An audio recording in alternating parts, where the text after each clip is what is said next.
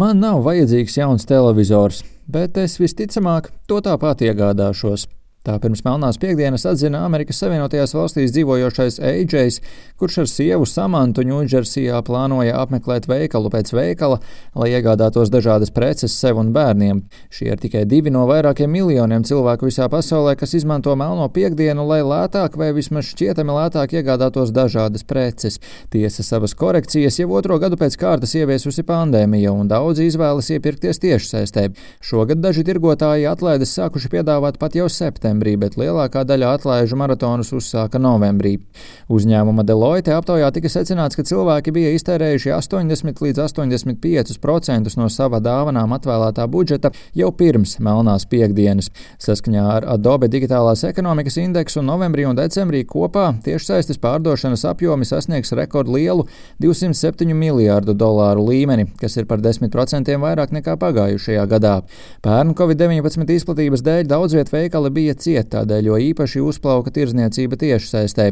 Šogad, neskatoties uz bažām par pieaugušo koronavīrusa izplatību, ierobežojumu ir mazāk un vairāki veikali bija atvērti. Cilvēki šķietami pēc tā bija noilgojušies, jo vismaz Amerikas Savienotajās valstīs, kur melnā piekdiena ir īpaši populāra, pircēji tiešsaistē tērēja mazāk naudas nekā pērn un vairāk devās iepirkties klātienē. Kā vēsta aģentūra Reuters, Adobe Analytics dati liecina, ka kopējie pircēju izdevumi tiešsaistē Melnās piekdienas laikā bija aptuveni 8,9 miljardi ASV dolāru, kas ir par aptuveni 100 miljoniem dolāru mazāk nekā 2020. gadā. Šogad bāžas radīja ne tikai veselības drošība un covid-19, bet arī piegādes ķēžu problēmas, kas skārušas pasauli. Arī tās bijis viens no iemesliem, kādēļ atlaides sākušās jau septembrī, jo vienkārši ātri piepildīt noliktavas uz konkrētu dienu nebija iespējams. Jau pirms Melnās piekdienas, piemēram, apvienotās karalistes tiešsaistes mazumtirdzniecības asociācija brīdināja par iespējamiem nepietiekamiem krājumiem. Lūk, ko par savām problēmām stāsta Steve's Finch, britu uzņēmuma Bobster dibinātājs. Melnā piekdiena mazumtirgotājiem vienmēr ir izaicinājums, bet šis gads ir jo īpaši grūts globālo piegādes ķēžu problēmu dēļ. Mums bija jāiepērk krājumi daudz ātrāk nekā ierasts, jo piegādes laiks pieaudzis no 90 līdz aptuveni 180 dienām. Ātrāka krājuma iegāde uzliek slogu biznesam, jo parasti iepērkot preces sagaidi, ka nauda atgriezīsies 20, 30 vai 40 dienu laikā, bet šoreiz jāgaida 90 vai 120 dienas. Pieaugušas arī kravu pārvadājumu izmaksas, kas beigās preču cenas pacēla 6 vai 7 reizes. Visu šo faktoru dēļ šogad ir grūti piedāvāt lielas atlaides. Ir būtiskāk piedāvāt atlaides plašākam produktu klāstam give a more broader discount across a, a wider range of products. Tiek pieļauts, ka piegādes ķēžu problēmas un piegāžu kavēšanās iespējams mudināja pircējus apmeklēt veikalus, lai nepaliktu bešā un iegādātu dāvanas Ziemassvētkiem jau laikus. Daudzi arī izmantojuši iespēju iegādāties preces tiešsaistē, bet saņemt tās veikalā vai pie veikala. Visvairāk iztrūkušas elektronikas preces, ko atzinuši arī pircēji.